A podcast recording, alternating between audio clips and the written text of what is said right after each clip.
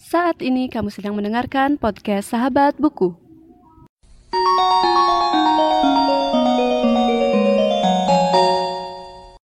Sebelum mendengarkan episode kali ini, jangan lupa follow podcast Sahabat Buku di Instagram di @podcastsahabatbuku. Selamat mendengarkan.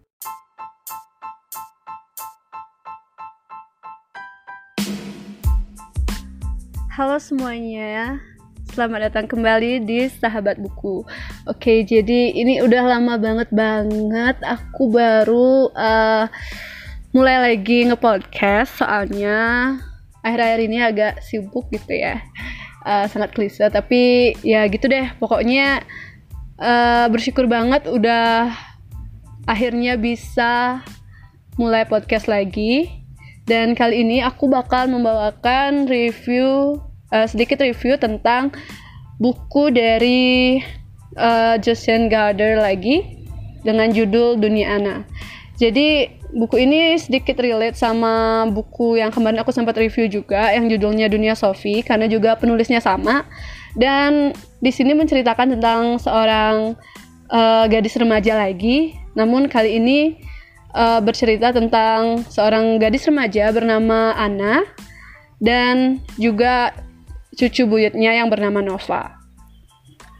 Jadi setting pada novel ini yaitu di bumi pada tahun 2082, Nova mendapatkan surat misterius dari uh, nenek buyutnya bernama Anna. Jadi surat itu didapatkan tepat pada tanggal 12 bulan 12 tahun 2012. Jadi aku rasa kalian gak asing sama tanggal itu karena sebelumnya dunia pernah digemparkan dengan uh, hari kiamat yang bakal terjadi di tanggal tersebut. Tapi buktinya sampai sekarang kita masih hidup di zaman ini gitu ya. Oke, jadi langsung ke reviewnya.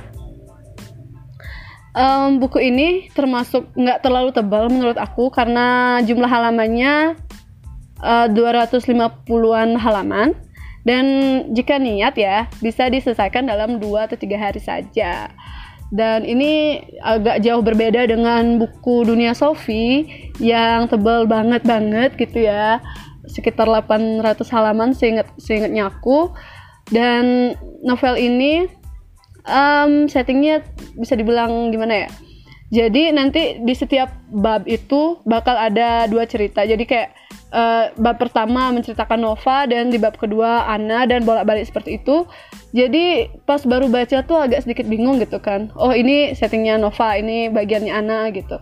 Tapi nanti udah di ending seperti bagaimana aku baca di dunia Sophie, kita bakal ketemu suatu ending yang bisa dibilang hmm, ya tidak bisa menyangka kalau endingnya bakal kayak gitu buat aku ya.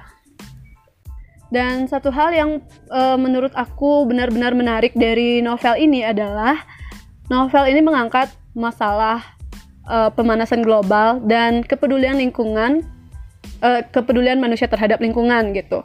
Jadi walaupun bisa dibilang ini novel fiksi ataupun ya novel filsafat yang mungkin bisa dibilang fiksi juga, tapi ada satu hal yang uh, yang merupakan pesan dari novel ini untuk kita para manusia di bumi untuk selalu menjaga uh, lingkungan kita karena seperti yang kita tahu pemanasan global selalu meningkat akhir-akhir ini bukan dari tahun sekian sampai detik ini kita tahu atmosfer bumi kita mulai memanas terus dan es mulai mencair lagi dan banyak hal yang perlu kita tanggulangi gitu. Nah, salah satunya uh, akhir-akhir ini kita kan lagi ribut dengan suatu virus yang ada di mana-mana gitu. Nah, di sana banyak banyak banget pembelajaran yang bisa kita ambil gitu. Nah, dari novel ini juga kita bisa ngambil pembelajaran tersebut. Jadi, sebagai manusia yang bijak, ada baiknya kita menjaga lingkungan di sekitar kita bahkan di jika semua orang bisa menjaga lingkungannya, niscaya semuanya akan baik-baik saja.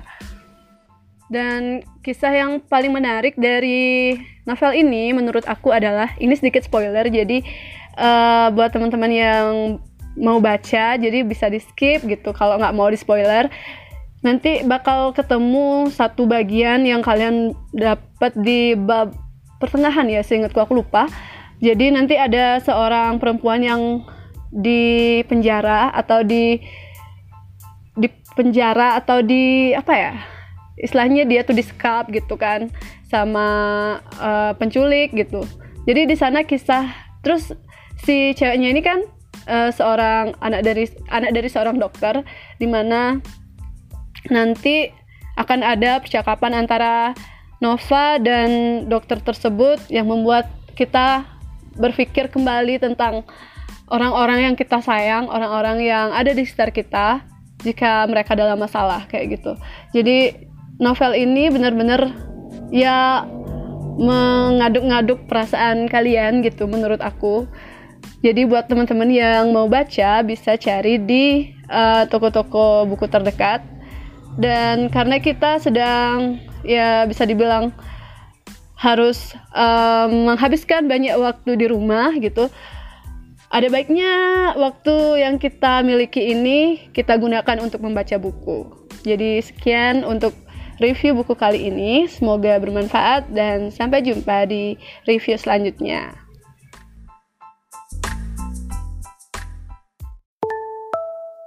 Terima kasih sudah mendengarkan podcast Sahabat Buku. Bagi pengguna Spotify, jangan lupa follow. Dan pengguna Apple Podcast, jangan lupa subscribe supaya bisa mendengarkan semua episode baru dari podcast Sahabat Buku. See you in the next episode.